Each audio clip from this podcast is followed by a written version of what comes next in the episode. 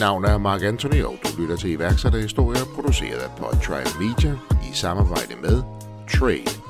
I denne episode skal du høre historien om Firtal Group, fortalt af Mikkel Salling.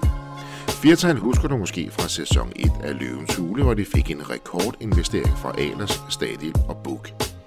De driver i dag en række webshops herunder Helsebæksten, Jala Helsekost, Made for Men og Well. Det hele startede med, at Mikkel droppede sit velbetalte job hos Jysk og gik all ind i virksomheden, som i starten kun bestod af Made for Men. En virksomhed med de samme store ambitioner i dag, men som selv Mikkels kæreste havde svært ved at tro på, for der gik lang tid, hvor de slet ikke tjente penge. Og, og jeg var startet med, at jeg var kommet ud af, af det her top fra Jysk, hvor kørte i en øh, fin Audi A4 og ikke været stille og roligt, så blev bilerne nedskaleret til sidst til jeg var sådan øh, en udtjent lue på tre ældre, der havde kørt 250.000 km hele tiden gik i stykker. Ikke? Og den måtte jeg også sælge til sidst, fordi at vi, vi tjente virkelig ikke nogen penge. Faktisk var Mikkel og hans kompagnon klar til at give op og sælge virksomheden, men et meget lavt købstilbud fra en dengang mindre kendt Jakob Risgaard fik dem begge på helt andre tanker. Og siden da, ja, så gik det pludselig rigtig stærkt. Og den historie kommer du til at høre meget mere om. Ellers har jeg ikke så meget andet at sige, end danske iværksættere kan bare noget. Rigtig god fornøjelse. Mikkel, ordet er dit. Ja, det, det var jo som vi startede med den her webshop, der hedder Made for Men, øh, hvor øh, for, det var et firtal, øh, og på et tidspunkt begyndte vi jo så at have øh, andre shops også, og skulle finde et eller andet overliggende på det, og så tog vi øh, firtal med videre derfra. Øh, så, det er simpelthen derfor, det hedder firtal? Ja, kombineret med, at på det tidspunkt, så firtal.com var et domæne, vi kunne få fingre i. øh, så så, så mere, mere gennemtænkt var det ikke. Men det har jo fanget an, og nu har jo etableret og skabt en, en, en stor succes, og det skal vi jo faktisk tale rigtig meget om i dag, fordi det startede jo et helt andet sted. Du og Jesper, I sad som helt unge og fik en god idé, og tænkte, vi skal have nogle, nogle produkter, nogle, nogle plejeprodukter ud til mænd. Ja, altså det, det startede rigtig nok, at øh, da vi var lige, lige omkring midt i 20'erne, øh, og spillede fodbold i den samme fodboldklub, og kendte ikke hinanden, eller vi kendte hinanden sådan øh, perifært, øh, og, øh, og gik lidt ud øh, sammen på det tidspunkt. Og jeg forstod, at Jesper han, han gik og tumlede med en idé omkring at starte en webshop, der solgte øh, herreplejeprodukter. Øh, et øh, koncept, han havde set i USA, øh, og kombineret med hans traumer omkring at gå ned i Matas og købe bumseprodukter af en sød pige, som han måske skulle møde nede på det lokale diskotek senere, øh, det gjorde, at han så, at det kunne være enormt øh, attraktivt for mange mænd at handle øh, de her produkter sådan incognito øh, online. Så han synes ikke, det var så rart at stå dernede og kigge på en sød pige og bestille sådan nogle produkter? Nej, lige præcis. øh, og og øh, for mit eget vedkommende, så havde jeg et, øh, synes jeg selv på det tidspunkt, et rigtig godt job i Jysk i deres marketingafdeling, og stod for at lave deres tv-reklamer og arrangere både interne og eksterne events men havde sådan en, en drøm om at starte noget selv. Øh, og som rigtig mange andre, der har det på samme måde, så går man jo og siger, men jeg ved bare ikke lige, hvad det skal være med. Øh, så jeg løb, løb ind i Jesper, øh, det her powerhouse af nye idéer, og han havde et par iværksætter, øh, falderede iværksætterprojekter på CV'et i forvejen, øh, måske fordi han fik for mange nye idéer, og for tit øh, kastede sig videre under andet. Men vi fandt sammen omkring ideen øh, øh, Made for Men og en webshop, der solgte herrepleje til mænd. Øh, og så gik vi i gang. Jeg tror, vi snakkede om det øh, første gang den 20. december øh, 2006, og så var vi i banken mellem jul og nytår, øh, og så var vi i luften den 1. januar. Så kort fra tanke til handling. Og i øvrigt, ja, Jesper havde jo, havde jo ideen, og, og jeg skulle prøve at se, hvordan jeg kunne komme med i det. Og det gjorde jeg så ved at fortælle ham dels, at jeg jo havde et godt job, så jeg havde penge, jeg kunne investere. Han var studerende, så han havde ingen penge. Og dels så havde jeg en svigerinde, som øh, havde en beauty salon, så jeg kunne nok øh, skaffe adgang til nogle leverandører. Øh, og øh, med det så, så gik vi i gang, og, og Jesper han, øh, han tog i banken, det var BG Bank på det tidspunkt. Øh, da han er på vej ned i banken, så får han et opkald fra mig, hvor jeg spørger, om, når nu han er på vej i banken, om ikke han kan spørge, om jeg kan låne nogle penge også, fordi jeg havde måske faktisk ikke sådan lige så mange penge. Lige så, på. så han skulle spørge fra dig? Ja, jeg havde, jeg havde måske ikke så mange penge sådan lige på bankbogen, øh, til trods for, at jeg kan, havde... Kan min venner også låne nogen? Ja. ja. Øhm, og, og det viste sig så også, at det der med at få adgang til leverandørerne, det, det, det var også øh, sværere, end jeg, end jeg lige havde forestillet mig, så, så det gik heller ikke. Men, øh, men jeg kom med øh, sammen med Jesper, og vi, øh, vi klød på med krum hals, og øh, jeg tror, jeg var god til også at, at holde ham til ilden. Det første stykke tid arbejdede jeg stadigvæk øh, i Jysk, og, og Jesper han studerede, øh, eller i hvert fald på papiret, så han kunne hæve noget SU. Øh, og så fik han lidt lommepenge af mig, så han ikke skulle have et fritidsjob, og, og så var han egentlig... Så du skød penge i ham, så I kunne dedikere tid til, ja. til, til firetal, ja. Ja, øh, og så, så fik vi i løbet af en tre måneder en webshop ja. øh, i luften, øh, og, og drev den så øh, meget på hobbybasis det første års tid. Hvad var det, der, var, der gjorde det svært at få fat i leverandøren? Det er ligesom regnet med, nu laver vi det her univers, og så så må ja, leverandørerne være På, på det tidspunkt, øh, de brands, vi gerne ville have fat i, øh, var panisk angst for internettet og al den gennemsigtighed, øh, som det tilbød, så de havde ikke lyst til at være online. Øh, så i så de mente, man skulle sælge via de klassiske kæder og ja, store forretninger? I, i mange år, ja. og, og, og selv den dag i dag, øh, så er der mange beauty-produkter, du ikke kan sælge, hvis ikke du har en fysisk butik. Det er jo interessant. Jeg synes, at det er jo eksploderet ellers på nettet, mm. men, men der er stadig, simpelthen stadig nogen, der fastholder, at den fysiske butik er vigtig. Ja, det, det, det der er rigtig mange, der gør, og, okay. og, og det er enormt svært, og som en man sige, pure play onliner, at få adgang til mange af de her brands. Så I kommer som to unge gutter, har skabt det her koncept, og tager fat i leverandørerne. De kender jeg ikke. Ja, ja. De er, er modstand på nettet til, som udgangspunkt. Ja, og i øvrigt så har vi jo heller ikke nogen ordre. Altså hvis, øh, hvis det var sådan, der kom en ordre om dagen, så var ja. det jo en, en succes. Øh, ja, det gik lidt træt med det i starten. Ja, så jeg kan huske nogle af de første leverandører, jeg ringede til, og, hvor de sagde, vi sælger kun i hele paller, eller hele pallelag, og så sagde jeg, jeg skal bare have en enkelt pakke. det gjorde det simpelthen. ja, øh, så det, det, tog noget tid at komme igennem, øh, og, det tog os nok et, et godt et års tid at, at lære, hvordan vi navigerede i det, og så parallelt importerede vi nogle varer, og vi Øh, vi havde øh, en veninde, der både en, der arbejdede i Mata, og så en, der arbejdede i Salling, og så, øh, så fik vi lov at tiltuske os lidt varer med personalrabat. Øh, som, som, vi købte? Som vi købte hos Matas og Salling og solgte videre online. Øh, uden profit, men så fik vi nogle kunder ind, og det var noget af det, som vi jo skulle øh, lære senere hen, og som jo virkelig er en, en drivkraft i forretningen i dag. Det er, det, du behøver jo ikke nødvendigvis altid at tjene penge på den første år, da du leverer til kunden, kunde, men du skal få kunden ind og give kunden en god oplevelse, fordi så kommer de igen, og over tid, så øh, skal du så evne at løfte din profitmarken på en måde, så du tjener penge på dem over tid. Øh, men i dag så bruger vi også masser af marketingkroner og øh, kampagner og tilbud til at få kunderne til at handle hos os første gang, så vi kan give dem en god oplevelse, og dermed får vi dem ind i folden og kan kommunikere med dem på nyhedsbreve og via Facebook og øh, via AdWords osv., Øh, og på den måde så får vi jo skabt en relation, som over tid øh, kan være øh, indtjenende. Så det er tiltræning og fastholdelse? Ja. ja. Så, øh, så, så, så det, som, som vi jo lagde grobunden for der dengang, det var jo virkelig, at øh, de få kunder, der var, dem skulle man være gode med. Så det er jo ikke helt forkert at sige, at I var pioner, I var internetpionerer i Danmark, når man kigger på, på den branche, på det område, I kastede over. At, som du beskriver, den her store modstand, der var på producenter og leverandører på, på nethandel. Ikke? Ja, altså der var nogle, øh, hvad siger, inden for vores niche med, med herrene, der, der var der en anden øh, webshop end os, som også lå i Aarhus, og som vi et par år senere købte op. Øhm, og ellers så var der måske så var der nogle enkelte, som primært slog sig op på parallelimport, øhm, og, og, og så primært på kvindeprodukter. I kæmpede jo. I kæmpede jo brav, og der, det er jo heller ingen hemmelighed, der har været op- og nedture, og der har været noget tvivl, og jeg har overvejet at sælge Ja. Øh, og det skal vi tale mere om, hvordan, hvordan hele den rejse foregik, indtil I faktisk endte op med at sælge forretningen ja. øh, til, til den, den store, som I faktisk havde en ambition om. At, det, var, det var jo den store, som alle gerne ville slå, kan man sige. Det kan vi komme lidt længere tilbage til. Øh, I begynder så at, at bygge jeres forretning op. I, I pakker ordrene hjemme på din seng, og I laver en beregning. Noget i retning af, at hvis vi bare har syv ordre om ugen, så kan vi leve af det. Det var så ikke en helt rigtig beregning. Ja, altså, øh, det er, sådan, det var, det var faktisk det var hjemme i uh, Jespers studielejlighed, sådan uh, halvanden værelses, hvor vi havde kontor, der var lige plads til et, uh, til et lille skrivebord, hvor hvis vi sad på hver sin side, så kunne vi begge to være der. Øhm, og så havde vi en computer hver, og så havde vi et, et lille jalousiskab, hvor, øh, hvor vores forskellige parfumer og cremer, de kunne være, jeg tror, vi havde købt... Det var simpelthen lager? Det var lageret, hvor vi, jeg tror, vi havde købt varer hjem for 75.000 kroner til at starte med. Øh, set i forhold til øh, de over 50 millioner kroner, vi har varelager for i dag. Så, øh, så det er jo skægt at tænke på, hvordan tingene de kan, de kan udvikle sig. Men vi fik ikke ret mange ordre.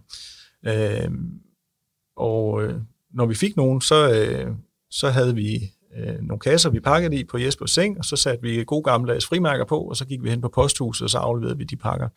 Øh, og det gjorde vi faktisk i, ja, lige for jeg vil sige, det, det første års tid øh, før der sådan rigtig begyndte at komme noget. Så kunne vi godt se, at der kom der ordre hver dag. Nogle gange var der to ordre. Øh, men det var på et meget lavt niveau, og absolut ikke noget, der kunne karakteriseres som anden hobbyforretning. Øh, og, og det var på, ja, det ved jeg, altså, det var virkelig sådan, at min, min omgangskreds, der gik fem år, øh, før der var nogen, der forstod, at det var det, jeg levede af, og, og hvor de sagde, har du stadigvæk øh, det der ved siden af? Og så sagde han, det, det er sgu det eneste, jeg laver. Det er det, jeg laver nu, ja. ikke? Og, og, og min, øh, min øh, kæreste på det tidspunkt, min, min kone i dag, hun, øh, altså, det var hende, der stod for, ikke? Altså, det var hende, der havde en bil, så, så jeg måtte låne hendes bil, hvis det var, ikke? Og når vi skulle på ferie, så var det hende, der skulle betale, og huslejen, der stod hun også for. Øh, så hun troede på, ja. Øh, nej, hun troede absolut ikke på det. det gjorde hun ikke? nej, det så, okay. Jeg tror også, hun mere og mere øh, tænkte, altså, hvornår bliver det her til noget? Du bliver ved med at snakke om millioner og milliarder, men der, men der sker ingenting. Hvornår får du et rigtigt job? Ja, og, ja. og jeg var startet med, jeg var kommet ud af, af det her job fra Jysk, og kørte i en øh, fin Audi A4, og ikke var stille og roligt, så blev bilerne nedskaleret til sidst, øh, jeg var sådan... Øh, en udtjent lu på tre ældre, havde kørt 250.000 km hele tiden gik i stykker. Ikke? Og den måtte jeg også sælge til sidst, fordi at vi, vi tjente virkelig ikke nogen penge. Trade er en hurtigt voksende køb nu, betal senere service for dig, der handler med fysiske farer. Trade betaler dine leverandører for dig med det samme, og så vælger du selv, om du vil betale tilbage efter 1, 2, 3 eller 4 måneder. Med Trade kan du altså sælge dine varer, før du selv betaler for dem, og derfor have mere kapital til rådighed til at vækste din egen forretning. Det er helt gratis at være kunde hos Trade, og du betaler intet for at have en kredit hos Trade. Læs mere om dine muligheder og book en uforpligtende introduktion på trade.io. Hvad får jeg til at fortsætte?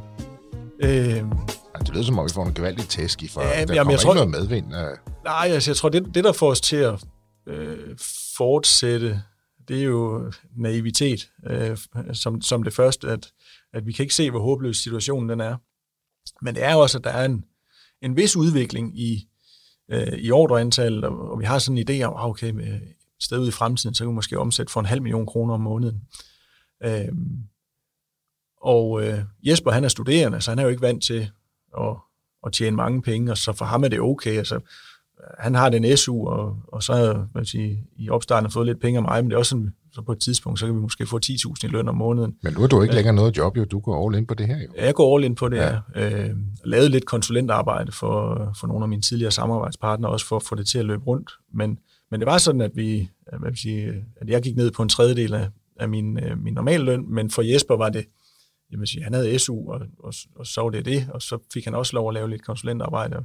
Så altså, han har ikke været vant til, til andet, og så tror jeg, så, så holdt han det lidt i gang, og, og så var vi jo gode til at, at sige til hinanden, at, øh, at det nok skulle blive godt. Men der kommer også det her tidspunkt, hvor vi sagde, nu, at nu er det sgu for meget, lad os, øh, lad os komme ud af det. I kæmper for omsætning, ikke? og I tjener jo ikke nogen penge, I kan ikke, ikke trække noget, sådan noget nævneværdigt ud af det, vel? Nej, altså det... Men, men så siger du naivitet, siger du så med et smil, og siger, det er måske det, jeg fik til at fortsætte stadighed, vedholdenhed. Men der var, må der være et eller andet, der fik jer til at tro på, at vi har fat i noget, vi har måske bare ikke knækket koden endnu, eller hvad? I, I fortsatte jo. Ja, vi fortsatte jo, og vi havde jo, og de kunder, der var hos os, de var jo også glade. Øh, men ja, jeg, jeg ved ikke, altså det, det er jo nemmere, eller hvad man sige, for mig var det nemmere på det tidspunkt også øh, midt i 20'erne, og, og, altså min kæreste kunne godt forsørge mig, øh, og Jesper kunne godt forsørge sig selv på samme niveau, som de venner, han havde, der også var studerende. Så det var ikke sådan, at vi, at vi følte os øh, håbløst øh, fattige i det, men det ville da have været, øh, at være i det ville have været sværere i dag, hvor, hvor, vi, har, øh, hvor vi har familie og børn øh, og huslån. Øh, der er det ikke sikkert, at vi vil have kæmpet så længe. Men vi, over flere omgange, så tabte vi også energien, og husker et tidspunkt, Jesper, han siger til mig, at han har en ven, der vil flytte til New York, og så skal de starte nogle iværksætterprojekter, øh, som virkelig kan blive til noget. Men på det tidspunkt var jeg ikke lige klar til at give op, og så fik jeg ham overbevist om, at det skulle han nok ikke alligevel, eller jeg sagde, så må jeg jo passe det, mens du er væk, og så, så må vi se, hvordan det går. Øh, og så er der jo garanteret været andre tidspunkter, hvor jeg har været lige så øh, modløs, og hvor Jesper han så har sagt, så må jeg lige øh, hanke op i det. Altså, der kom lidt senere, på det tidspunkt, hvor jeg, øh, hvor jeg fik mit øh, første barn i, øh, i 2011, øh, hvor det var, at jeg ikke havde mulighed øh, for at lægge så meget energi i det i en periode. Ikke? Og der, der samlede Jesper jo virkelig op, og så, så tog han teten på det, og på samme måde så har han haft øh, perioder senere hen, hvor øh, hvor han ikke har haft så meget energi i det, så har jeg øh, stemplet mere ind. Så jeg tror egentlig det der med, at vi var to, øh, som havde svære perioder på forskellige tidspunkter, øh, det gjorde, at vi kunne bære hinanden igennem det. Øh, men vi stod jo også på et tidspunkt ved Cool Shop, øh, som på det tidspunkt nok ikke var, ikke var så kendte, som de er blevet i dag, efter Jacob Risgaard, han har været med i Løvens Hule. Øh, men der, der sad vi og snakkede med Jakob og, og hans partner Mark, øh, omkring, om ikke de ville købe Made for Men, fordi vi ikke rigtig kunne se, at det kunne blive til noget. Men de er meget lidt trætte og tænkte, nu, nu er det måske, lad os se, om vi kan få fyret det af. Ja, ja. Øh, og så havde vi tænkt, det kan vi nok få et par millioner for. Så ham Jakob fra Nordjylland, vi, vi snakker med ham. Ja, øh, og så sad vi deroppe og, og fandt ud af også, at det var de faktisk ikke så interesserede, eller jo, de ville egentlig gerne have forretning, men så ville de mere have forretning, hvis det var sådan, de kunne få mig og Jesper til, at, øh, til stadigvæk at drive den. Og, og så blev det jo øh, lidt sådan, okay, vi kunne få et meget beskeden beløb, og så kunne vi blive ansat hos dem øh, til, en, øh, til en helt almindelig hyre, og så, så kiggede vi på hinanden og, og sagde, det skal vi sgu ikke. Skal vi så ikke bare gøre det stort selv? Okay, øh, så I, I har kørt lidt sur i det snakker med jer op, han giver jer et tilbud med en lidt lav, uh, lidt, lidt lav valuation, ja, og I ja. har mulighed for egentlig at sige, okay, nu, nu kommer vi ud af det, måske lidt ja, på næsen. Det, det er jeg faktisk i tvivl om, altså vil sige, det, er jo, det er jo så mange år siden, det fortaber sig lidt i tårerne, men om, om han i virkeligheden gav så lavt et bud, fordi han ikke var interesseret i at købe det, det kan også være, men, men i hvert fald så den, værdi, den, den værdisætning, der, var, ja. øh, der sådan var lidt op, lå i luften, ikke? det var i hvert fald ikke ret attraktiv, når man havde gået tre år uden løn. Og det er jo interessant, fordi han kunne have sagt ja, købte ikke kunne have sagt ja, så I været ud af det, men på, på en eller anden måde, så ansporer han jer. Han bekræfter jer måske et eller andet sted, I, I stadigvæk har fat i noget, fordi så, så, så vender I jo skuden fuldstændig. Nu bliver det jer, der ligesom går mere aggressivt ud i markedet. Jer, der begynder at fokusere på at overtage andre webshops lige pludselig, inden for ret kort tid efter ja. det her. Så skaber I noget dynamik, noget fremdrift. Ja, og, og det, men det bliver også på den her med at sige, nu giver vi det, øh, nu, nu giver vi det sidste skud, og så går vi all in, øh, og enten så inden for det næste år, så har vi flyttet os til et sted hen, hvor vi laver noget, der vi synes, der er sjovt, øh, og hvor vi tjener nogle penge, så vi kan leve af det. Øh, det kom lidt, øh, altså vi havde et, øh, et advisory board øh, på det tidspunkt med, øh, med nogle, øh, nogle gode bekendte, som også var selvstændige og lige lidt ældre end os. Øh, og samlede dem, og, og de sad jo også der og kiggede rundt og sagde, hallo drenge, skal det her være en virksomhed, eller skal det være en hobbyvirksomhed? Altså, mm. og, så, så vi blev drillet lidt med, at det, som vi selv synes var meget seriøst, at når folk kom ud fra, så sagde de, har jo heller ikke taget det helt alvorligt. Øhm, og det havde de lidt ret i, måske. Og det havde de måske lidt ret i. Ja.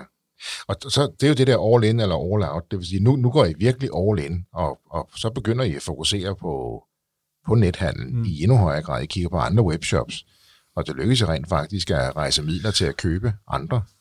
Det er ja. vist noget med, at I på vej ned for at købe en forretning, og først undervejs får I OK for bank. Ja, det, øh, altså det var sådan, man sige, fra den der, man sige, episode med, med Cool Shop, så går der nok et år eller halvanden, hvor vi rent faktisk får gang i forretningen, og faktisk begynder at tjene det vil sige øh, okay penge og lave nogle overskud. Øh, ikke i millionklassen endnu, men, øh, men det begynder der at nærme sig. De tager der mere alvorligt. Nu begynder I at få traction, ja. som man så ja. siger. Ja. ja. Og, øh, og, og så er vi meget bevidste om, at vi har så købt en, en konkurrent, som lavede det samme som os med herrepleje, og fundet ud af, at vi kunne godt finde ud af at implementere en anden, øh, anden shop på vores platform, og få det til at køre på den samme backend med samme logistik setup, samme kundeservice setup osv øh, og samme økonomisetup. Så, øh, så vi får blod på tanden, og så siger, skal vi ikke prøve at bryde ud af den her lille niche, vi er i med herrepleje, og se, om der er noget andet interessant. Øh, og det første, det bliver så, det bliver så helskost, øh, fordi at, øh, nok primært fordi, at jeg er gift ind i en familie, hvor der er nogle, øh, nogle helsekostpionerer, som har drevet okay. øh, både helsekostbutikker, men også øh, øh, øh, producent og, en, af de, en af de store producenter i specialhandlen i Danmark, og så tænker jeg, så kan vi få lidt råd og vejledning inden for det, inden for den kategori, hvis det er. Og det var jo meget klogt. Øh, det, jamen det, og det var klogt og, og tilfældigheden spil, men, men vi ser en, en webshop, der er til salg øh, for 625.000 kroner, der hedder Helsebæksten. Øh, et ægtepar på Falster, øh, som driver den. Øh, vi ser det søndag. Jeg ringer til dem søndag aften, så jeg skal ikke komme ned øh, sammen med Jesper og besøge jer i morgen. Øh, og så kan vi snakke lidt om den her forretning, I gerne selv. Og, og vi kører så, øh, vi kører så øh, afsted øh, og kommer derned og gennemgår det hele. De kører samme shopsystem, som vi er vant til, så vi kan hurtigt gennemgå og se, at der reelt er den omsætning, de siger, der er, vi kan se på deres AdWords setup, øh, hvordan det fungerer. Øh, og de vil bare virkelig gerne af med den her forretning, som er løbet dem af hende, øh, fordi at den har en eksplosiv vækst, og de ikke har nogen tekniske kompetencer til at automatisere nogle af, af de arbejdsgange, der er. Så, så hver ordre er blevet for dyr for dem, selvom de egentlig har, har Ja, og, og også bare, at de har ikke mere tid og ikke mere Nej. overskud, og så siger de enten, så skal vi jo øh, så skal vi lade være med at sende nogle ordre, og så bliver kunderne sure og skuffede, og, så, så vi, vi ved slet ikke, hvordan vi skal håndtere den ordre, der kommer ind nu. Vi har ikke tid og energi til det. Øh, så i løbet af den formiddag, så, så bliver vi enige om, at de kan få de her 625.000 kroner. Øh, vi har egentlig også, inden vi kørte derned, har jeg lavet sådan en, en tosiders øh, købskontrakt, øh, som enhver advokat vil korse over, øh, i forhold til, at nu, op, nu køber vi den her webshop, og alle aktiverne tilhører der varelager osv. Så, så får vi hele varelageret pakket ind i min Ford Mondeo, øh, og så, øh, så, kører vi, så kører vi ellers hjem igen, på vejen hjem ringer til banken og siger, at det er okay, at vi har brugt 625.000 øh, kroner. Når du spørger banken bagefter?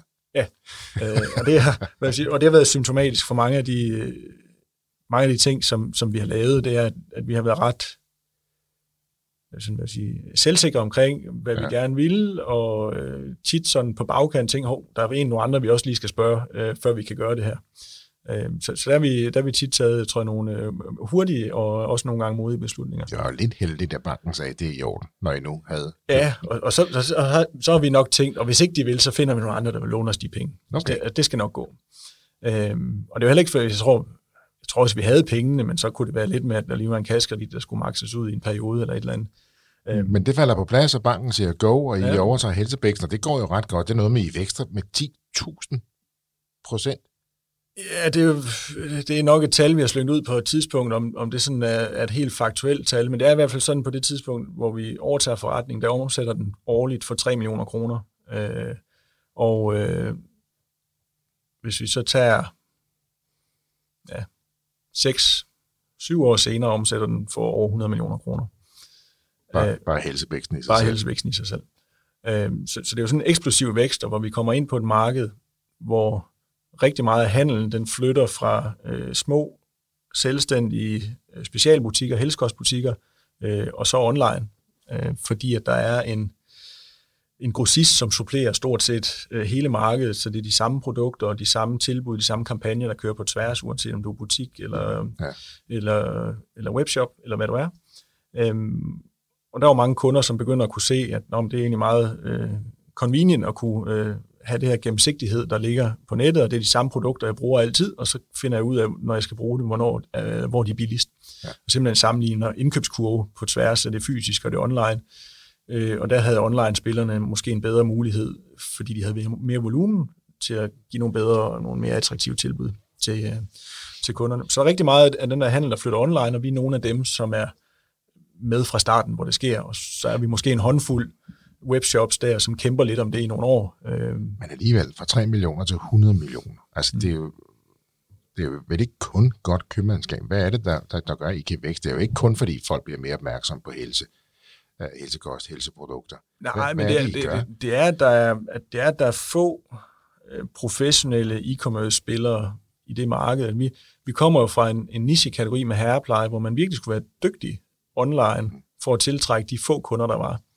Øh, og så kommer vi ud på et lidt større marked, hvor det jo egentlig bare handler om at have orden i penalhuset, med at være god til at lave sine AdWords, være god til at få oprettet produkter på den rigtige måde, være god til at lave content, så du får nogle SEO-placeringer, øh, øh, være god til at have det, hvad sige, det brede varekatalog, øh, attraktive priser, så sætte prisen ordentligt, og så levere varen hurtigt og yde god kundeservice. Så det bliver jo sådan meget købmandsmæssig øh, basics. Ja. Man vil sige, øh, sørg for, at kunden kender godt produktet. Det er jo, altså det er jo velkendte brands, som kunden er vant til at forbruge. Så på den måde skal man ikke overbevise kunden om, hvorfor du skal købe produktet. De har et forhold til produktet. De har et forhold til produktet, ja. og det du så skal, det er, at du skal overbevise dem om, at du kan levere det produkt på den mest øh, gnidningsfri måde. Ja. Øh, og billigst. Og, og billigst er også en stor parameter. Ja. Så I vækster fra 3 til 100 millioner var på helsevæksten. I går så ud, nu får I jo virkelig fat, kan man mm. sige. I får, I får nogle muskler. Ja. Det er pludselig, I vækster, I vækster hurtigt nu. Mm. Ikke kun på helsevæksten. Og I begynder at købe andre ind. I køber i alle otte webshops, ikke? Ja, vi køber andre webshops også. Øh, ude omkring, hvis vi har en, en, en relativt stor shop, der sælger øh, sælger covers til mobiltelefoner og iPads og sådan noget, fordi at, at det passer okay ind størrelsesmæssigt på de produkter, der er, Øhm, og, og hele den der øh, backend-del med, hvordan vi kører vores marketing og vores logistik og vores økonomi og kundeservice, der, der hænger det egentlig okay sammen. Øh, så det har vi også. Vi køber flere øh, helsekost webshops, øh, fordi vi har sortimentet i forvejen, og så kan udbrede det på, ja, på flere øh, på, platforme. På flere platforme.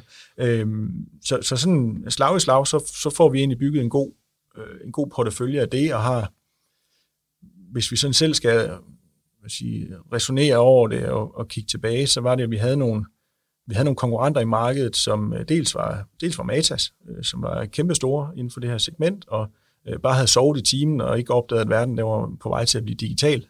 Så de havde ikke sat nogle gode kræfter bag det. Ja, de hængte lidt i bremsen i starten, Matas faktisk. Virkelig. Ja. Øhm, og op indtil 17, der tror jeg, vores omsætning den nok var sammenlignet med deres online. Øhm, og øh, der er nogle andre, som så øh, også gør det godt, øh, og som får investeringer fra, øh, øh, fra, blandt andet, eller fra Egmont øh, blandt andet, ikke? virkelig får nogle, øh, nogle muskler i ryggen, og, og vi kigger lidt på os selv som dem, der er enormt underfinansieret med, med, med Jesper og Mikkel, og så er vi godt nok med i Løvens Hule øh, og får 3 millioner kroner ind på, på et tidspunkt, men det, men det forslår jo til ingenting, så vores vækstrejse er jo modsat de andre, der løbende taber penge, men prøver at bygge deres brand under en paraply, så laver vi vores vækstrejse via opkøb og hele tiden være profitable. Men der sker jo også det, at I sådan er ved at tabe motivationen en lille smule. Nu kommer du nemlig mm. selv ind på, øh, på Løvens Ole, det er jo det er sæson det er, den, det er den første sæson. Et, ja. ja. Så det er sæson 1 af Løvens Hule, og det var dengang Tom Ahlers var med. Det var ja. så en af de investorer, I fik med også, og I fik jo... Uh... Ja, så Christian, uh, Christian Stadil og, og Jesper Buk også. Uh, og, og det var igen uh, en, ja, nogle gange sådan, havde vi været, hvor vi var i dag, hvis ikke vi havde været med i Løvens Hule, ja, det tror jeg måske ikke faktisk øh, godt, vi kunne have været, ja. øh, i forhold til, hvad, hvad vores forretning den kunne. Men det var sådan tilfældighederne spil, at vi kendte en caster, øh, som skulle lave det her nye program, Løvens Hule, og der var faktisk ikke ret mange, der havde meldt sig til. Så hun ringede til os og spurgte, hvad, der havde vi vi havde en, en, en, et distributionsprodukt, øh, eller et produkt, vi producerede, som hed Razor Pits, en sliber til barberbladet, som var en del af vores varesortiment, men ja. som vi også selv producerede og havde patent på. Øh, og den kunne godt tænke sig at få med øh, i det her program, fordi det var sådan, det var nemt at forstå og god at fortælle om på fjernsynet. Altså det var egentlig ikke virksomhed, det var et produkt. Det var, det var produktet okay. der. Ja. Øh, vi ville, for de vidste jo ikke rigtigt, hvor formatet det skulle hen, men de ville gerne have nogen, der kom ind med let forståelige produkter, som kunne lave godt tv og fortælle om det, og kan vi lave en, en, en ja, man kan jo huske, at nogle af os husker de første episode, ja. der var en, der var inde med en, en, en papirpose, der, hvor du sådan kunne åbne, så du ikke krummede på dig selv, når du kørte bil. Ikke? Altså, ja, det var, det var nogle, ja, altså det var jo sådan lidt mere uh, gadgets, ja, uh, måske ja, i virkeligheden, starten, ikke? End, ja. end det sådan var forretningsorienteret.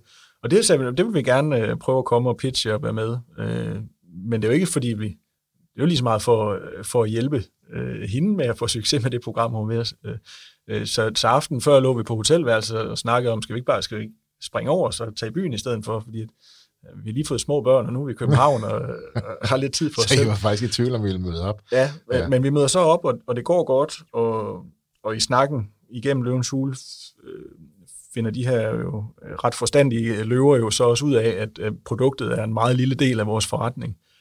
Øhm, og hele det her e-commerce-univers, som, som vi har bygget op, at det i virkeligheden er det, der er, er det spændende.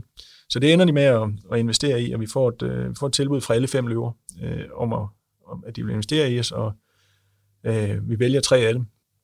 Og jeg tror, sådan, kan vi stadigvæk øh, stadigvæk lidt stolt over. Jeg tror indtil her den sidste sæson af Løvens Hule var det stadigvæk den største valuation og den største investering, der er givet i, i formatet i Danmark. Ja, det er det, fordi det helt frem til sæson 7, mener jeg, der, der 3 millioner var, var rekorden. Ikke? Ja. Og det er jo interessant første program, hvor de ikke engang selv er helt styr på det danske format, og var i tvivl om, det skulle være gadgets eller firmaer, og I selv i tvivl om, I skal møde op og være med, så lander I faktisk den største investering for ja. tre, eller for alle fem vi er jo faktisk med, ikke? Ja, og, øh, og det er også sådan, at sige, og nu kan det jo være, at nogle af dem, de kommer til at høre det i dag, ikke? Men, men, men da vi kører hjem derfra, så siger vi, jamen det er jo sgu da fint med de der 3 millioner, men vi vil også have foræret dem det, for, bare for at de var med.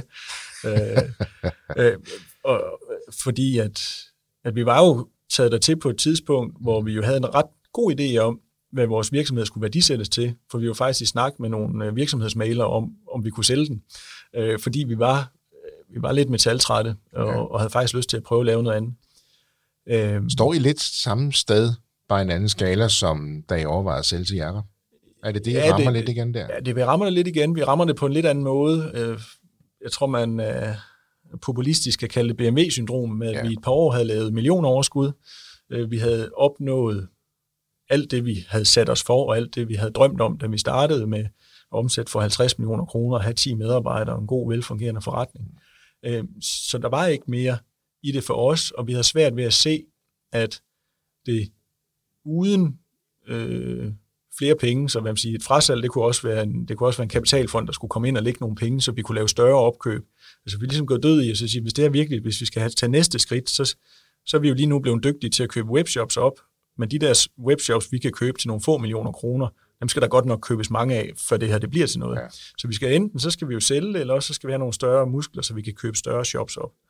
Øh, så der står vi jo egentlig lidt i et vadested, og, og vil være okay med at, at man sige, aflevere nøglerne, og, og, og, og så finde en eller anden kælder, hvor vi kunne spise pizza og, og drikke Red Bull og, og lave noget nyt. Ja. Øhm, så, så derfor så er vi meget afklaret med det øh, på det tidspunkt, og så møder vi de her, eller får de her tre øh, de her tre løver ind i vores advisory board, øh, og jeg tror Jesper Buch, han er den første, der siger, øh, hvor fanden har I ikke lavet en plan for, hvordan her det bliver en milliardvirksomhed?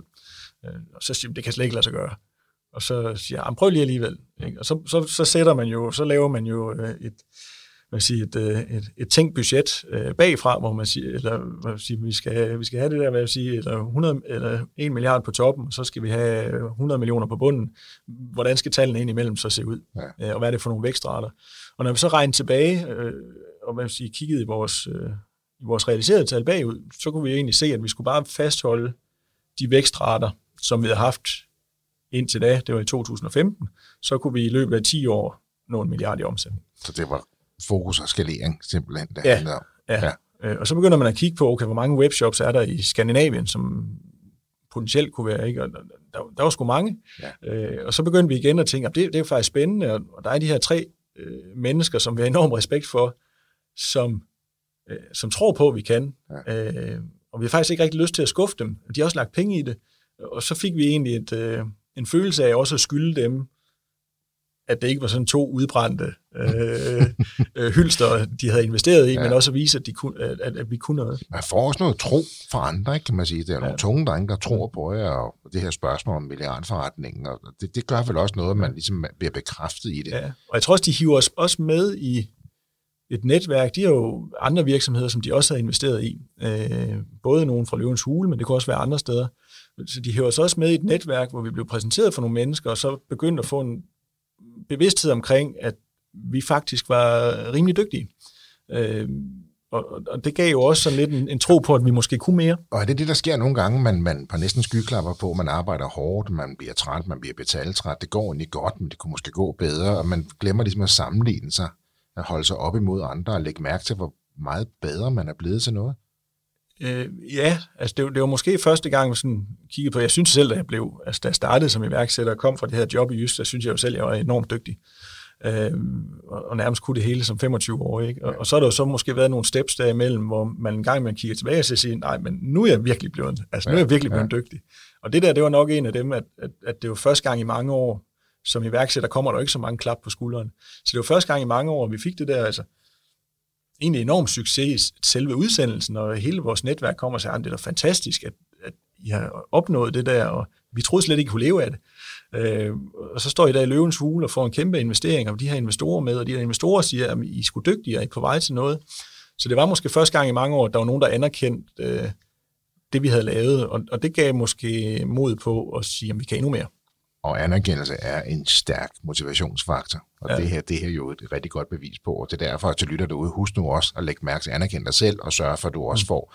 Øh, nogle gange kan man også ryge den der, hvor man siger, jeg fortjener noget succes. Bare fordi man arbejder hårdt, så er det ikke nødvendigvis ens betydende med, at du fortjener det. Det kan godt være, at du trænger til det. Ja. Men, men dig, Jesper, det er jo ingen hemmelighed. I er jo ret forskellige som mennesker og som typer. Mm. Er I enige om alle de her ting hen ad vejen? Uh, skalering, løvens mm. salg? Jeg tror, det der, altså det, der holder os sammen, det er nok, at vi er at vi hele tiden er ret afstemt omkring slutmålet mm. øh, i det, vi gerne vil. Øh, at det ikke er sådan, at vi på noget tidspunkt har været uenige om, hvad er det, vi skal opnå med den her virksomhed. Øhm, hvordan vi så kommer derhen, jamen der har været, der har været masser af ting, hvor for at være ærlig, ikke, så springer jeg over, hvor Gert er lavest øh, i, i utrolig mange ting, øh, og er god til at øh, animere andre til at øh, dels og... Så du er motivatoren, du er ja, altså, ja, altså, ja, ja, men det, Jesper er sådan set også i gang sætter, men, mm. men, men meget mere, hvor han i gang sætter selv, hvor han siger, nu løber jeg de første 50 meter, så I kan se, hvor hurtigt vi skal løbe. Ja. Øh, og hvor jeg meget mere animerer andre til at kaste over en opgave og med ilhu okay. øh, forsøge at løse den øh, og være sparringspartner. Øh, så på den måde, så, så tror jeg, vi, vi begge to sætter enormt mange ting i gang, men jeg sætter det i gang igennem andre, og Jesper han sætter det i gang ved selv at øh, løbe den første mil. Og lægge planen. Og, og lægge, lægge planen og strukturen, ja. så han kan give det videre. Og det, det er jo fantastisk, når man kan supplere hinanden, men det er jo også noget, der kan slå gnister undervejs, ikke? Ja, men altså, der, der har været flere gange, hvor, hvor jeg har klappet computeren i og sagt, Jesper, nu kører jeg hjem, og så kommer jeg ikke igen den næste par dage. Øh, altså det, det havde vi jo mange eksempler på sådan i, i den spæde opstart, og meget af det hang sammen med, at i den spæde opstart, der var der altså kun Jesper og mig. Ja. Og det, der virkelig skulle flytte det, det var, at Jesper og mig, vi arbejdede hårdt. Øh, og det, der virkelig er svært for mig, det er at arbejde hårdt og fokuseret i lang tid. Så jeg er jo i det setup blevet øh, nok mere værdifuld og bedre i takt med, at vi har fået nogle mennesker, som vi øh, og et team, som vi skal have til at fungere godt kulturelt, og vi skal have til at være motiveret for at lave en, en type opgaver. Men det er vel også det, der sker nogle gange i partnerskaber, det er, at vi er enige om, at vi skal arbejde hårdt, vi skal arbejde meget, vi skal arbejde rigtigt, men man er måske ikke enige om, hvad hårdt, meget og rigtigt er. Øh, nej, det er man ikke. Altså, jeg tror ikke, jeg, jeg tror altid godt, jeg har kunne, jeg har altid godt kunne forstå øh, de ting, Jesper, altså en af, de, en af de store mantraer for ham i starten, det var jo, at vi skal alle sammen oprette produkter, fordi jo flere produkter jo har, jo flere indgangsdøre er der til vores shop. Mm. Jeg tror ikke, der er noget, jeg har hadet mere hele mit liv, end at oprette produkter. Øhm, var du sådan låst, og du sad, at jeg kan lave noget andet, der er meget sjovere og meget bedre? Jamen i hvert fald så var det sådan, at jeg kunne sidde og være så sur på opgaven, så hvad man sige, hele energiudladningen op til, at jeg skulle i gang, altså det var meget hårdere, end at det at gøre det. Ikke? Altså, så jeg kunne lave tusind overspringshandlinger. Men det var blandt andet derfor, vi også, øh, det her produkt, vi så var i, i Løvens Hule med, at det var så egentlig derfor, det opstod, og så brugte jeg tid på at sælge det, øh, ikke i vores egen shops, men så solgte jeg det til Bilka og til Carrefour i Frankrig og til Boots i England og på Amazon, og så brugte en masse energi på det, hvor jeg synes, det var sjovt at komme ud og møde nogle mennesker og, øh, og presse produktet ned. Så, så i den periode var jeg jo ikke ret meget involveret i hele e-commerce-driften. Der var jeg meget på øh, indkøb, så relationer mod leverandører. Jeg var meget på de ansatte, vi havde. Øhm, og så var jeg meget på, på den her distributionsforretning, som faktisk var ved siden af. Øhm, så egentlig alt, hvad der var relationelt, havde jeg noget med at gøre, og forvildede jeg mig ind i, og, lavede vi en, og havde vi en rigtig god forretning på, som faktisk var øh, i perioder bedre end, end e-commerce-forretningen også. Øhm, så, så jeg stak jo af i noget, hvor jeg måtte bevise, at hvis, ikke, hvis jeg skulle slippe for at oprette de produkter, eller hvad nu ellers var af, ja. af, af, af det, jeg fandt trivielt, så måtte jeg jo bevise, at jeg kunne være mere værdifuld ved at lave noget andet. Og det er vel også okay, jeg tilfører mere værdi ved det andet, jeg gør, end ved ikke at lave. Ja, og det er jo en, og det er egentlig det, jeg har arbejdet enormt hårdt ja. på i, i hele det der forløb, det er hele tiden at være værdiskabende på noget, jeg synes, der var sjovt for at slippe for at lave øh, de mange opgaver, som der også var det kræver jo også et stærkt partnerskab, at man skal rumme hinanden, og man skal give plads til hinanden. Ikke? Men, men det, jeg kan forstå, det er, at I har været enige om målet. I har været enige om hvad. Ja. Øh, så er det mere, og måske også hvorfor, men så er det meget mere hvad, og, eller hvordan I, I har måske ja, øh, udfordret hinanden lidt. Ja, på, og det, det tror jeg, så, så har vi været gode til at, så har vi været gode til at sætte os ned og drikke en øh, flaske Jack Daniels og cola øh, en gang imellem, og så snakke om nogle af de her lidt... Og det er jo aldrig skidt. Nej, det er jo aldrig skidt. Øh, og snakke om de her lidt tungere ting, og, og der har også, og der, der har der også været perioder, der kan ikke være noget glansbillede, der har også været perioder, hvor øh, netop, hvad sige, grundet min natur, at Jesper, han synes, at han har skulle arbejde for meget i forhold til, hvor meget jeg gad at arbejde. Øhm, og så så har vi snakket om det, og så har vi også haft diskussionerne, om vi skulle eje lige meget, eller, eller det skulle være en, en skævdeling. Øhm, det er i, i forhold til mængden af indsatser ja, og sådan ja, ting. Ja. Øhm, så, så alle de der ting, tror jeg, Øh, det tror jeg, tror jeg er mange steder. Øh, så I har været igennem det hele, I også kæmpet meget med at rumme hinanden, kan man sige. Og nu er jo det andet et fantastisk sted. I vækster jo også, eller det gør I jo, det kan vi jo høre, I vækster rigtig meget. På et tidspunkt vækster I måske næsten for meget. Som du siger, nu bygger vi en stor organisation, vi har mange medarbejdere. Ja, altså da vi, da vi kommer ind i, i hele det her corona, de to coronaår, der har været, øh, så galt det for os, ligesom for mange andre webshops, at omsætningen den steg helt dramatisk fra den ene dag til den anden. Øh, Øhm, øh, og øh, det var enormt svært at navigere i, fordi vi havde simpelthen ikke, altså vi havde ikke varer nok på lager, vi havde ikke øh, mennesker nok ansat på vores lager. Øh, og øh, i øvrigt var det svært også, og, at folk de skulle være hjemme og, og alt det her. Så, så der oplevede vi, hvad sige, kæmpe vækst, øh, hvilket var enormt udfordrende i en periode, hvor man så ikke må være sammen, og ikke kan holde fællesmøder, og ikke kan øh, animere og, og motivere sit team, ja. øh, og, og køre nye kolleger ind, og så videre. Så, øh, så det gik stærkt, øh, og vi ansat, jeg tror den uge, hvor vi ansat flest, der tror jeg, vi ansat, jeg tror, vi ansat 30 på vores lager, øh, som så lige skulle starte. Øh, på en uge. På en uge. Øh, og så skulle vi, øh, alle dem, der var på kontoret, hvis de havde en øh, ledig stund, så skulle de også ud på lageret og pakke. Øh, men de må ikke gøre det på samme tid med, at de andre, øh, hvad sige, de almindelige lagerfolk var der, fordi der var smitterisiko, så, så jeg samlede jo hold fra kontoret til at møde op kl. 22 på lageret, og så pakkede vi ordre, så længe vi kunne, øh, indtil, øh, indtil vi var ved at falde om, og og, og da vi havde gjort det, jeg tror, vi, vi kørte det der over nogle uger, ikke? Men, men efter den første uge, så, så troede vi faktisk alle sammen, at vi havde corona. Øh, men, men det viste sig, at vi egentlig bare havde brug for at komme hjem og sove lidt. I var bare trætte. Vi var bare mega trætte, ikke? ja. øhm, og, øh, og, og hele det der, det var sådan, på det tidspunkt, det var, der mig, Jesper har faktisk været, hvad sige, været direktør i forretningen i, i de første mange år, øh, hvor vi har drevet den. Øhm, men lige der i, øh, lige der, lige der øh, da corona ramte, så, øh, så var han faktisk løbet lidt sur i det. Vi havde fået mange ansatte. Han, det var svært for ham at navigere i øh, alle de her personlige relationer og spørgsmål, der nu kom. Så vi faktisk blev enige om øh, at skifte ud på, på direktørposten og så, og så lave et skifte, øh, hvor, hvor jeg blev, øh, blev sat ind øh, som, som frontfigur. Øh, og en lille, lille sjov note til det, det var, at der var vi jo blevet opkøbt af Matas.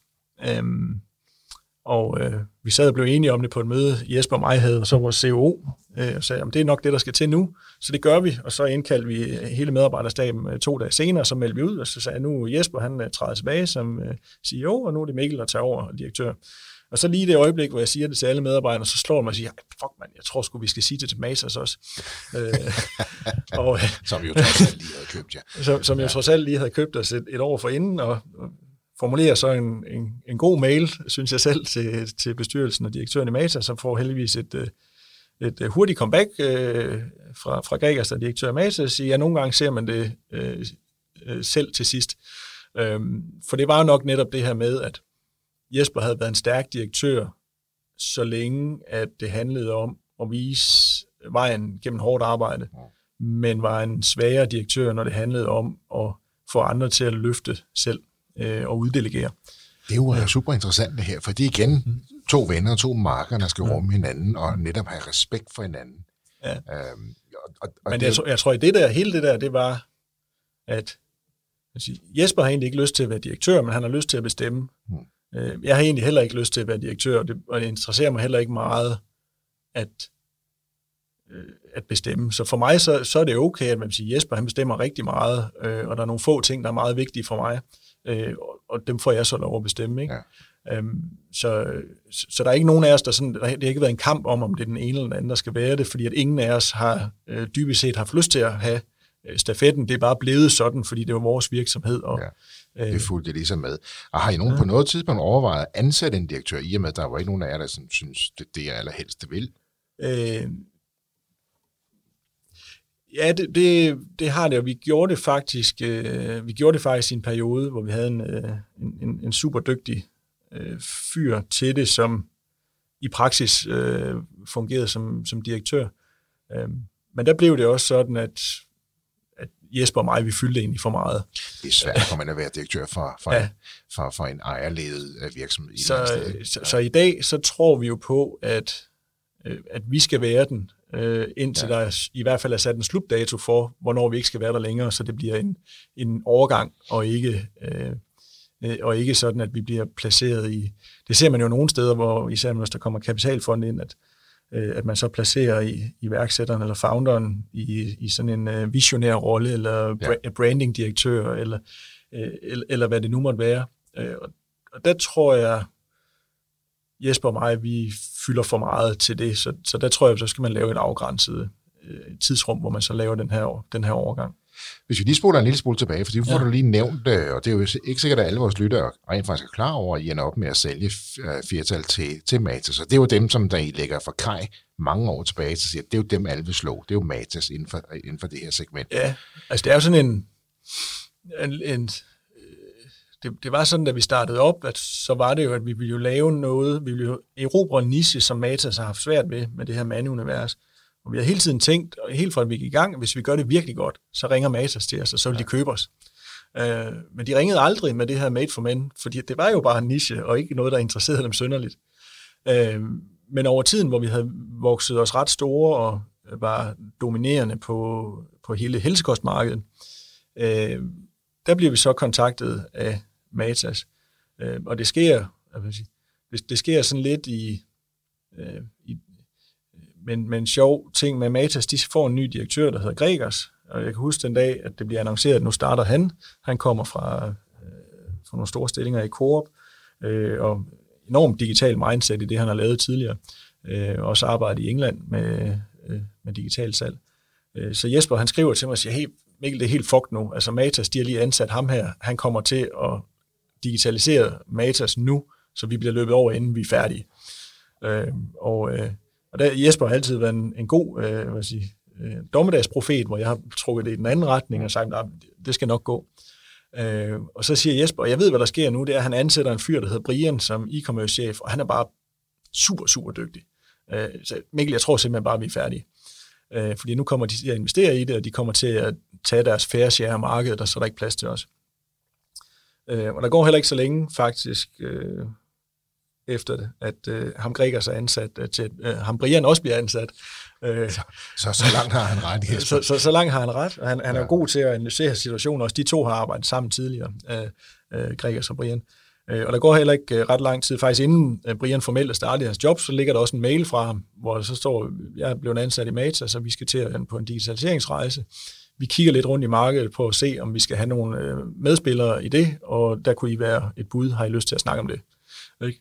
Og, og så sidder vi og tænker, okay, så, så er det jo sådan lidt, vi har, vi har de her store konkurrenter ellers, som vi er vant til at konkurrere med, som har øh, Egmont i, i ryggen og masser af penge, og nu kommer Mata, så de kommer til at melde ud, at de vil investere hundredvis af millioner i at blive digitale. Og så står vi tilbage på perronen, øh, i øvrigt med en, med en helsekostleverandør som øh, grossist der, som, øh, som nok også gerne ville være med i det her marked. Ikke? Så, så vi stod virkelig et klemt sted. Øhm, øh, så ja, så vi, øh, vi, øh, vi, vi satte en proces i gang omkring, altså enten så skulle vi jo finde nogle rige venner, øh, som kunne være med til at fonde os, eller også så skulle vi gå hele vejen med Matas og finde ud af at lave et partnerskab med dem. Øh, og det ender så i, i hele den her proces, som, som kører det meste af 2018, med at vi, øh, at vi finder Matas, og øh, Gregers og Brian, de har nogle visioner for, hvordan man skal drive hele det her e-commerce space, som harmonerer ret godt med, øh, med dem, vi selv har. Øh, og vi møder en masse kapitalfonde, som også er interesseret, øh, men vil meget mere vil have os ud på en øh, super aggressiv vækststrategi, som kan gå øh, begge veje. Mm. Øh, så enormt stor risiko, måske også enormt stor gevinst, hvis man lykkes.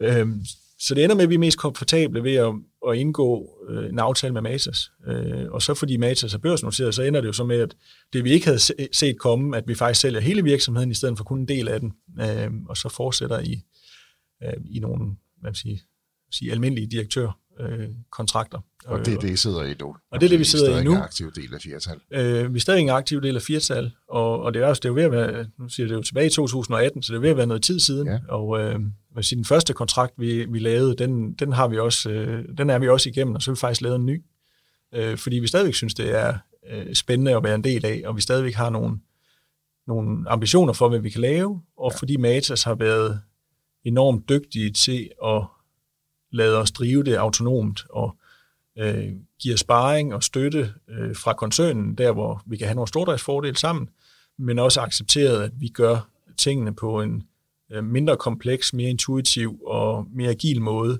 i, i vores setup, og det er de ikke stået i vejen for. Mm. Øh, så på den måde, så er de jo egentlig lykkes godt med at, øh, at få os til at bevare illusionen om, at vi driver øh, forretningen selvstændigt, og det er egentlig det, der har holdt motivationen op. Så da I startede Made for Men, den ambition, I havde, at sige, her kan vi gå ind og drille Mata, så vi kan blive så store, at de vil købe os. Det var så ikke lige Made for Men, men det, der udsprang sig af Made for Men, blev jo så lige pludselig så interessant. Så jeres drøm gik jo lidt i opfyldelse.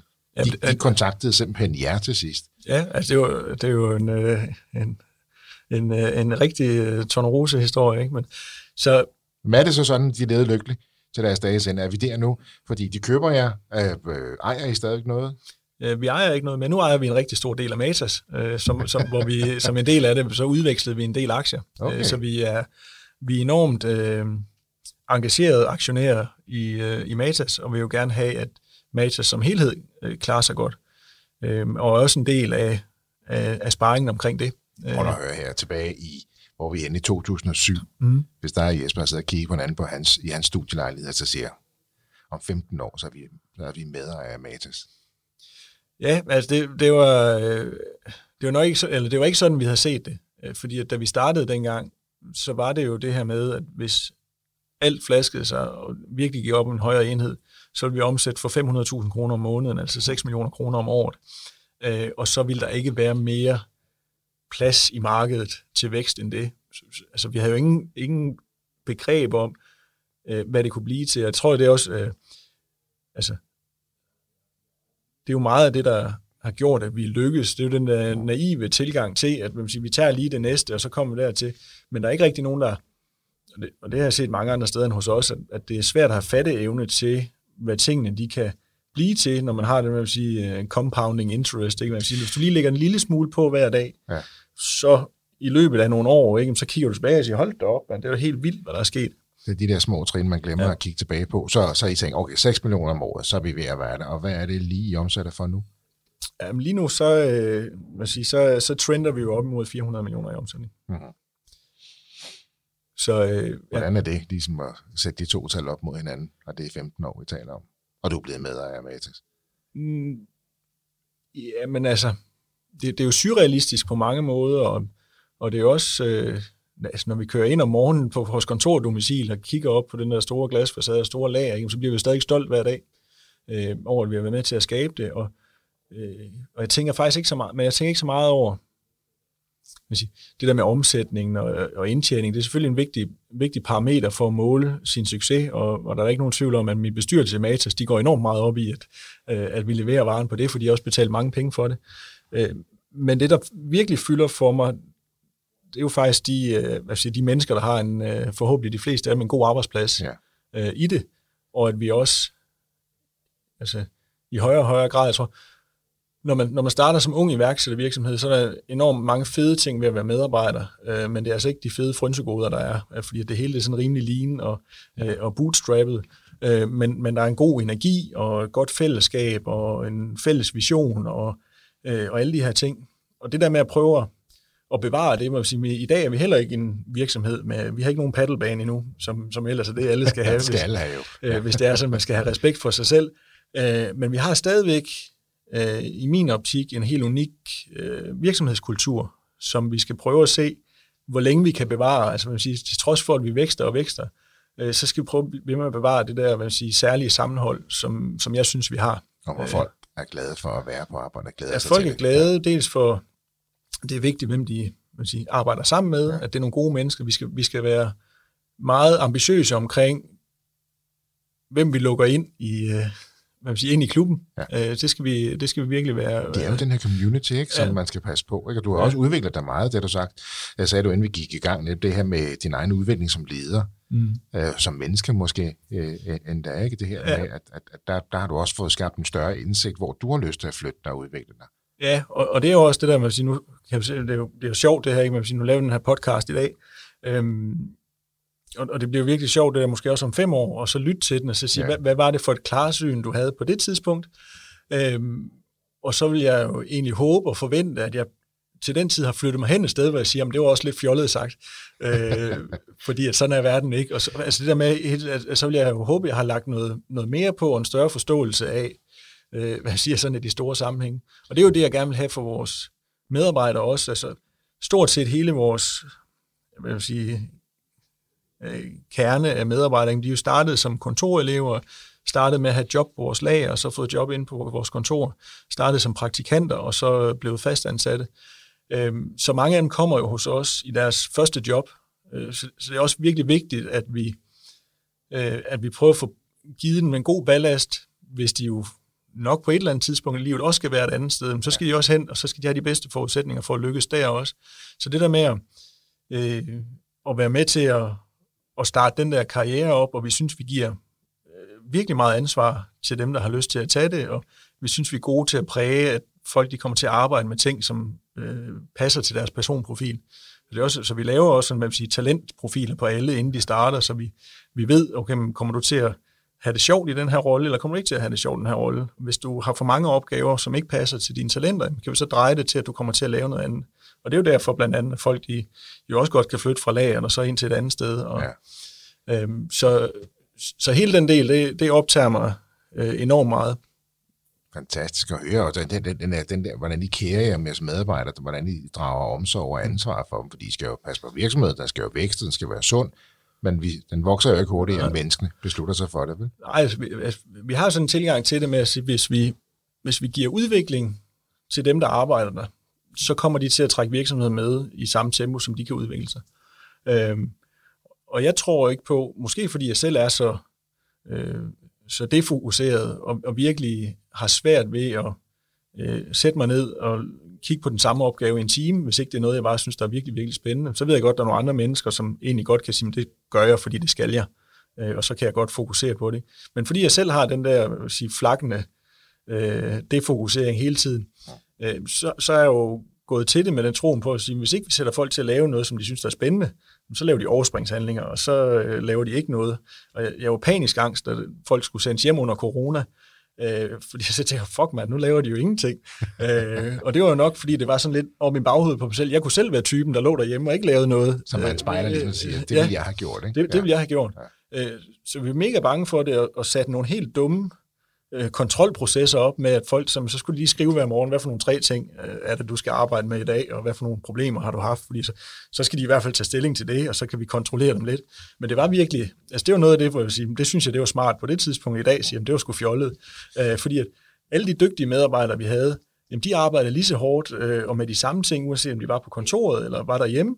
Og alle de medarbejdere, som måske var knap så gode, jamen, de var lige så dårlige på kontoret, som de var, og, og, og så var de også dårlige derhjemme. Nu var den store plus, det var, nu var de ikke på kontoret til at forstyrre de andre.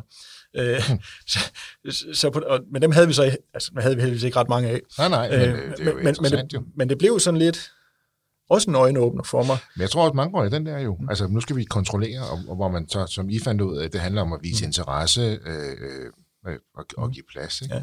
Og det er ikke sådan, at sige, i dag der, synes jeg jo egentlig, altså der kontrollerer vi måske også øh, meget, men, men vi kontrollerer egentlig mere, at folk de ikke øh, spilder deres tid med at lave ting, som er unødvendige. Så mere end at det bliver, vi skal kontrollere, at du virkelig har et højt, øh, en høj arbejdskapacitet, så er det mere med, at vi skal virkelig kontrollere, at du ikke bruger tid på noget, som ikke er vigtigt for virksomheden. Så det, vi ved, du arbejder hårdt. Vi skal bare være sikre på, at du arbejder hårdt på det rigtige. Ja, ja. og der er også sådan en, altså den kommer jo lidt, lidt snigende øh, for mig også det her med, altså vi lever i en efterhånden ret digitaliseret verden med rigtig mange muligheder for at automatisere forskellige ting.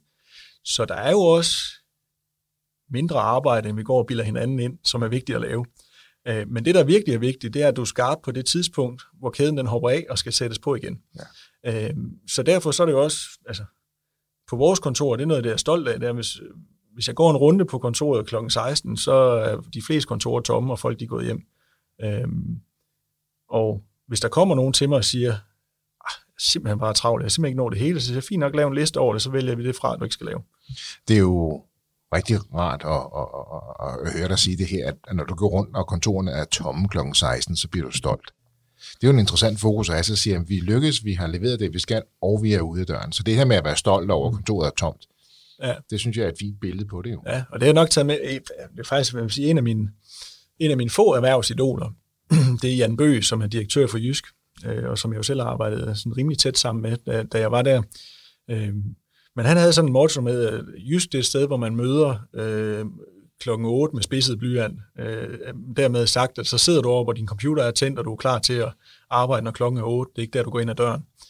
Øh, og, og det er en af de ting, som jeg har været stærk modstander af, fordi jeg netop har haft det, der sige, at det får du sgu ikke mere ud af.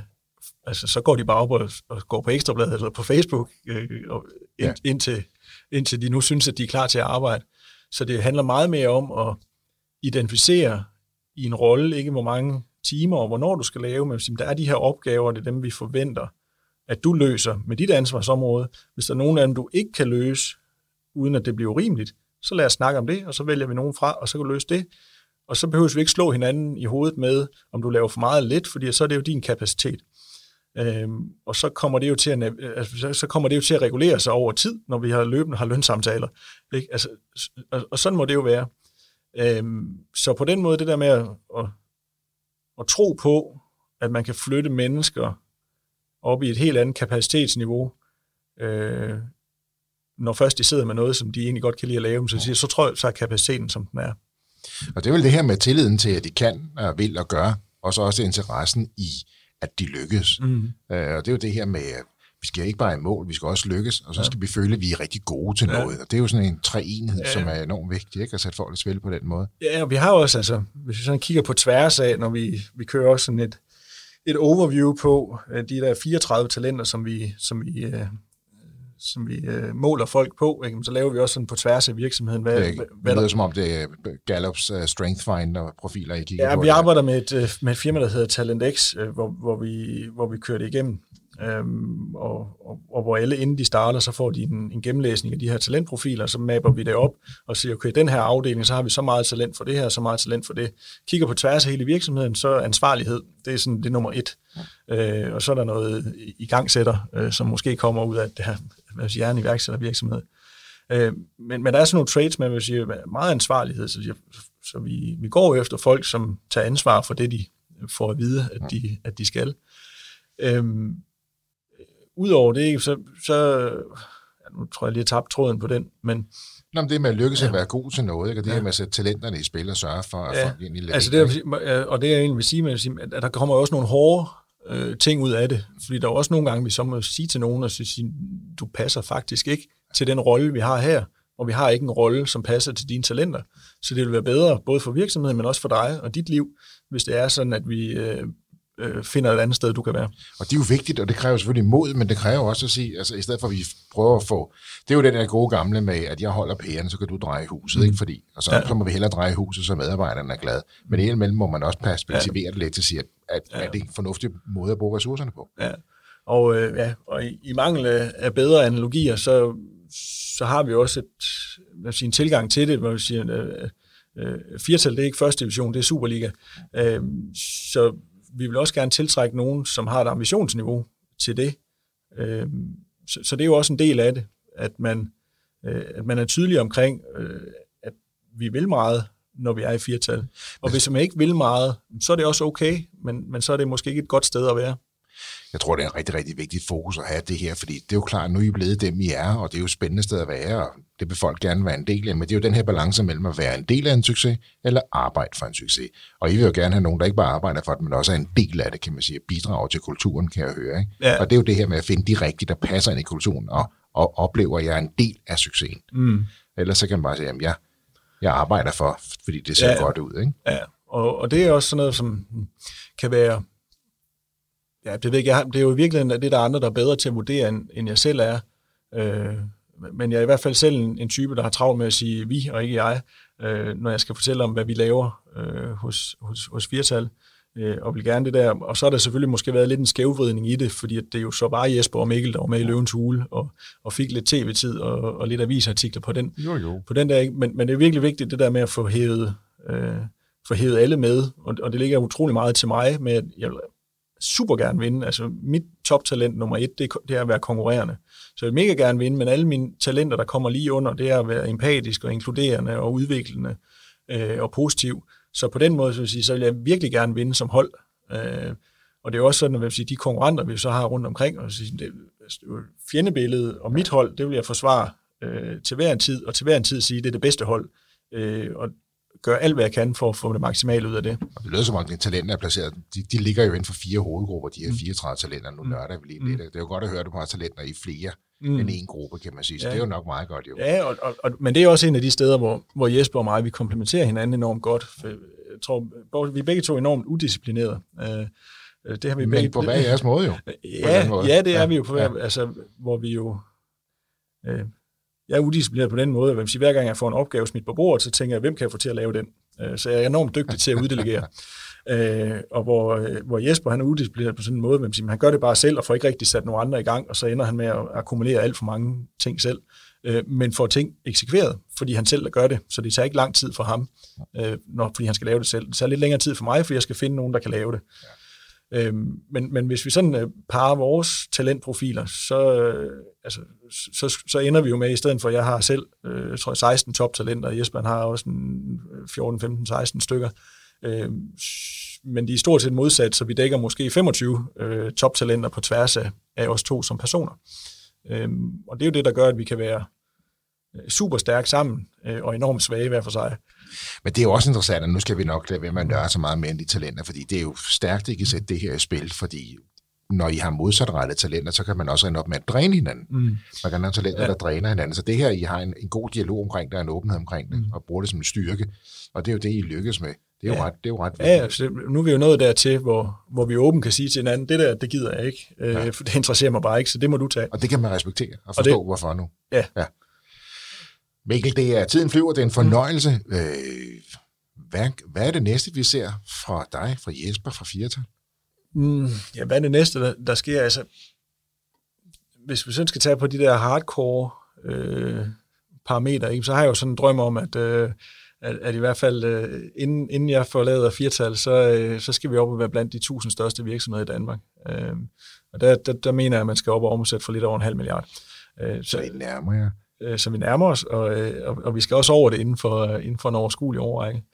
Øh, men ellers så er det jo, sige, så, så har vi jo nogle, nogle strategiplaner, som altså, så desværre ikke kan sige så meget om, fordi at det jo spiller sammen med, med det, vi laver med Matas, og en del af nogle større strategier. Som du det kan godt fortælle mig. Så det er, det, det er bedre, at Gregers han melder det ud til, til børsmarkedet, end at, øh, øh end at jeg sidder og, og, bedre, ja. og, og kloger mig på det. Så, så der i det for mig, og nu har vi været rundt om det, så er det jo, at øh, så er det jo, at, at, at firtal skal være en væsentlig del af den succes, som vi tror på, Matas øh, de får i fremtiden. Øh, og hvis, øh, når jeg nu bliver spurgt fra min bestyrelse, så hvad, hvad jeg, så, siger jeg, jeg er kun i firtal, fordi jeg tror på, at øh, firtal på sigt kan blive vigtigere i Matas koncernen, end Matas er. Øh, så, og, øh, og så bliver der jo grint af det, øh, og, og, så, og det er også okay, men, men det tog også øh, 75 år for Matas at nå til, hvor de er. Ja. Så, så det er jo heller ikke, jeg snakker heller ikke om, at det skal ske i morgen. Men hvis ikke jeg troede på, at de ting, vi sætter i værk, at de har mulighed for at forandre Matas' skæbne, så, der, så vil jeg ikke være der. Øh, fordi så skulle de bare finde en, der kunne drifte videre på det, vi allerede har skabt. Øh, og, og i den kontekst, så tror jeg og Jesper også på, at vi også stadigvæk har noget at tilbyde til, som sparring til Matas og til Matas' ledergruppe, og hvordan de øh, hvad siger, driver, driver deres virksomhed. Fra studielejlighed med syv år om ugen på en seng til at sidde der, hvor I sidder nu. Det er vel ikke så tosset gået. Er det ikke sådan, man siger? Jo, altså det, øh, nu, er vi jo, nu er vi jo fra Jylland, øh, men, men vi er jo altså, vi er pavestolte over det vi har været, altså det vi har været med til at, at sætte i gang, og det vi har været med til at skabe, og, og med de mennesker, vi har lavet det med, ikke? altså mange af dem, der er hos os, de, de har jo været med måske halvdelen af tiden. Ja. Øh, og øh, så, ja, så det vi satte i gang, det, altså det giver, det, det er sådan, ja, sådan lidt en øh, far eller bedstefar stolthed over ligesom at, at sidde for bordenden i det, og, og, og måske mere og mere flytte sig over i lænestolen i hjørnet, og så se på, øh, øh, på, det, på det gode, der er skabt rundt omkring. Og det at være stolt er vigtigt, og det skal vi blive meget bedre til i Danmark, og også turde sige det højt. Hør nu her, øh, det kan være, at vi ikke behøver at vente fem år, før du lytter til den her podcast igen. Så det kan være, at vi skal have dig tilbage i studiet, efter du har lyttet til den om nogle år. Og så ja, kan, kan vi se, hvad der så reflekterer over. Ja, ja det vil være spændende. Mikkel, det var en kæmpe fornøjelse at have dig med ja, i tusind, ja, tusind tak for invitationen. Det var historien om Firtal Group fortalt af Mikkel Salling du også har en iværksætterhistorie, som du brænder for at fortælle, så hop ind på vores hjemmeside og udfylde vores formular, og så er det måske dig, vi tager fat i. Ellers har jeg ikke så meget andet at sige end, danske iværksættere kan bare noget. Tusind tak, fordi du lyttede med. Kan du have en rigtig god og entreprenant dag, til vi lyttes ved igen. Hej.